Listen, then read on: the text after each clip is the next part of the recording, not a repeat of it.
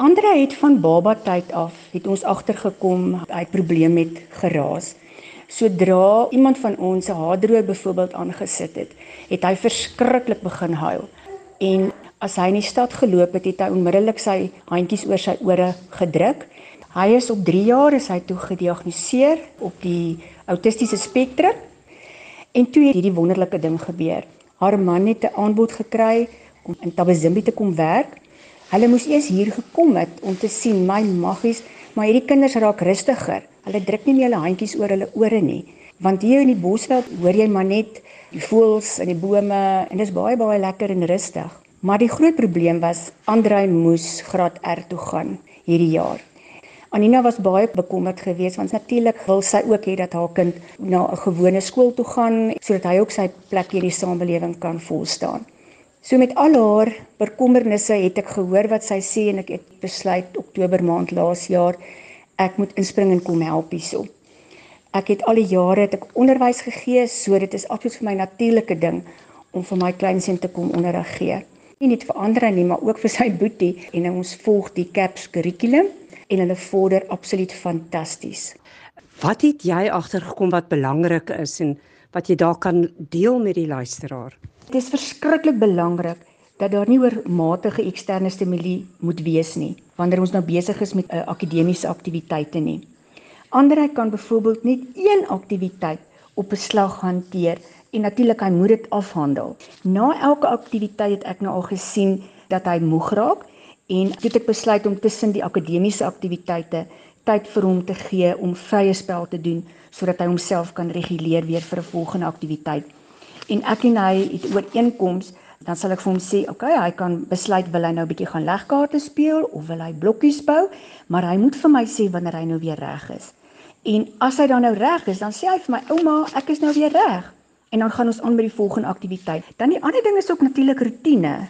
Ek het rutinekaarte teen my muur ook want hulle wil presies weet hoe verloop hulle dag. Hulle wil weet wanneer gaan ons begin met Bybel, wanneer gaan ons met wiskunde en hy sal baie keer opstaan en dan sal hy vir my sê ouma is ons nou hier. Dit hou hom rustig. En dan hulle weeklikse aktiwiteite moet regtig op presies dieselfde dag en op presies dieselfde tyd geskied. Ek gee nou self vir hulle musiek Maar gestel daar's 'n musiekjuffrou wat gaan inkom, dan moet sy nie hierdie een week nou Woensdag gee en die volgende week moet sy Vrydag gaan nie.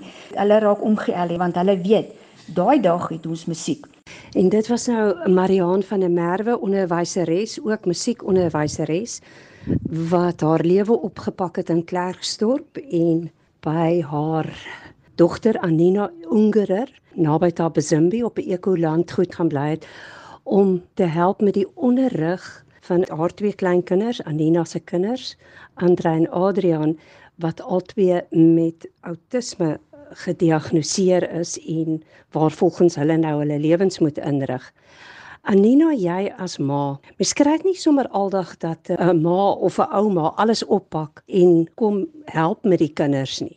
Ek en my ma het nog altyd 'n goeie verhouding gehad en ons het op 'n daaglikse basis gekommunikeer en sy was bewus geweest van al ons unieke uitdagings wat ons gehad het. Sy is absoluut 'n aanwins en 'n verskriklike groot seun en ja, ek, ek sou dit nie sonder haar deurgemaak het op enige vlak nie. Sy is absoluut my rots wanneer kom by my kinders en sy het soos hulle tweede ma geword is nou Anina Ungerer wie se twee kinders Andre en Adrian um, op die autistiese spektrum gediagnoseer is en wie se ma dit is nou ouma Mariaan nou ook na hulle toe getrek het op die ekolandgoed buite Tabazimbi om onderwyseres vir die kinders te wees.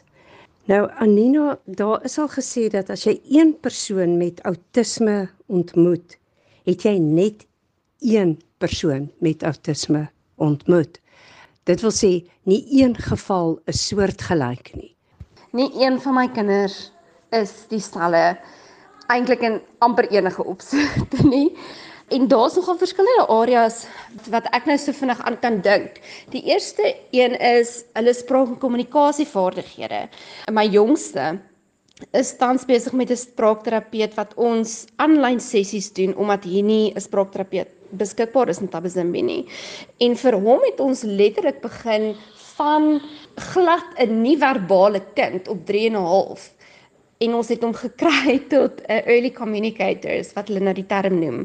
En wat hy besluit het toe hy begin praat het praat hy Engels waar ander is Afrikaans. En dit is nie omdat ons hulle geleer het om Engels te praat nie dit het net so gebeur. Selfs hulle sensoriese insette en responses verskil. Byvoorbeeld Andrei is ook baie meer met sy auditiewe prosesering.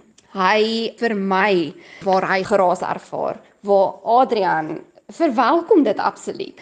Maar hy's nou weer byvoorbeeld baie tassensitief. In die winter het ons gesukkel om hom klere aan te trek. Ehm um, die manier wat hulle stem. Nou stem is basiese metode wat hulle gebruik om hulle self te reguleer.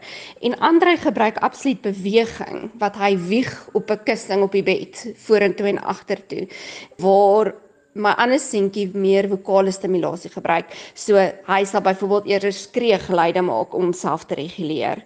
Die een is 'n verskriklike hulle noem dit 'n problem feeder wat hy net nie, nie wou eet nie wat ons nou met die jare aangepas het en hom nou op 'n stadium gekry het wat hy uiteindelik wil eet waar die ander seentjie nou weer verskriklike affiniteit het vir gesonde kos en weet pesel aan groente en Ja, so daar is soveel verskille wat ek kan opnoem.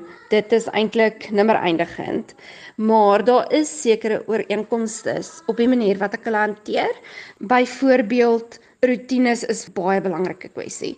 Daar is slaaprotines in plek. Daar is eetrotines in plek. Goeders wat dieselfde tyd moet verloop. Byvoorbeeld as ons in die oggend opstaan, het ons eers 'n bietjie vrye spel op die bed. Ons trek 'n bietjie later aan. En daai rotines help hulle baie om hulle dag meer voorspelbaar te maak. Ander goeters is byvoorbeeld vir my baie belangrik dat ek een stel reëls het. Wat geld vir die een persoon, geld vir die ander seentjie. Byvoorbeeld, altyd met hulle karstoeltjies vasmaak en glo my dis 'n baie groot uitdaging geweest. Ons gesels met Anina Ungerer van Tabazimbi twee kinders wat op die autistiese spektrum gediagnoseer is en Anina nou wil ek net laastens by jou weet. Kon jy 'n verskil in jou kinders sien vandat ouma Mariaan daar by julle bly en vandat sy hulle begin klas gee het? Verseker nie net in hulle nie maar in my ook. Mense praat ook nie altyd oor die emosionele welstand van die ouers met kinders wat spesiale behoeftes het nie. Daar is nou twee persone wat as emosies hoogloop om dit te absorbeer en dit te hanteer. Daar is byvoorbeeld 'n groot skuif in veral hulle skeidingsangs wat hulle gehad het. Adrian loop nou self. Ek hoef hom nie meer 24 ure 'n dag op te tel nie. Um, hulle is meer selfstandig. Hulle het meer waagmoed. Hulle is so leergierig. Hulle is mal oor hulle klas en hulle juffrou en ehm um, hulle is so bevoorreg om hulle ouma so deel van hulle lewe te hê en ek dink hulle sal dit hulle lewe lank onthou en koester.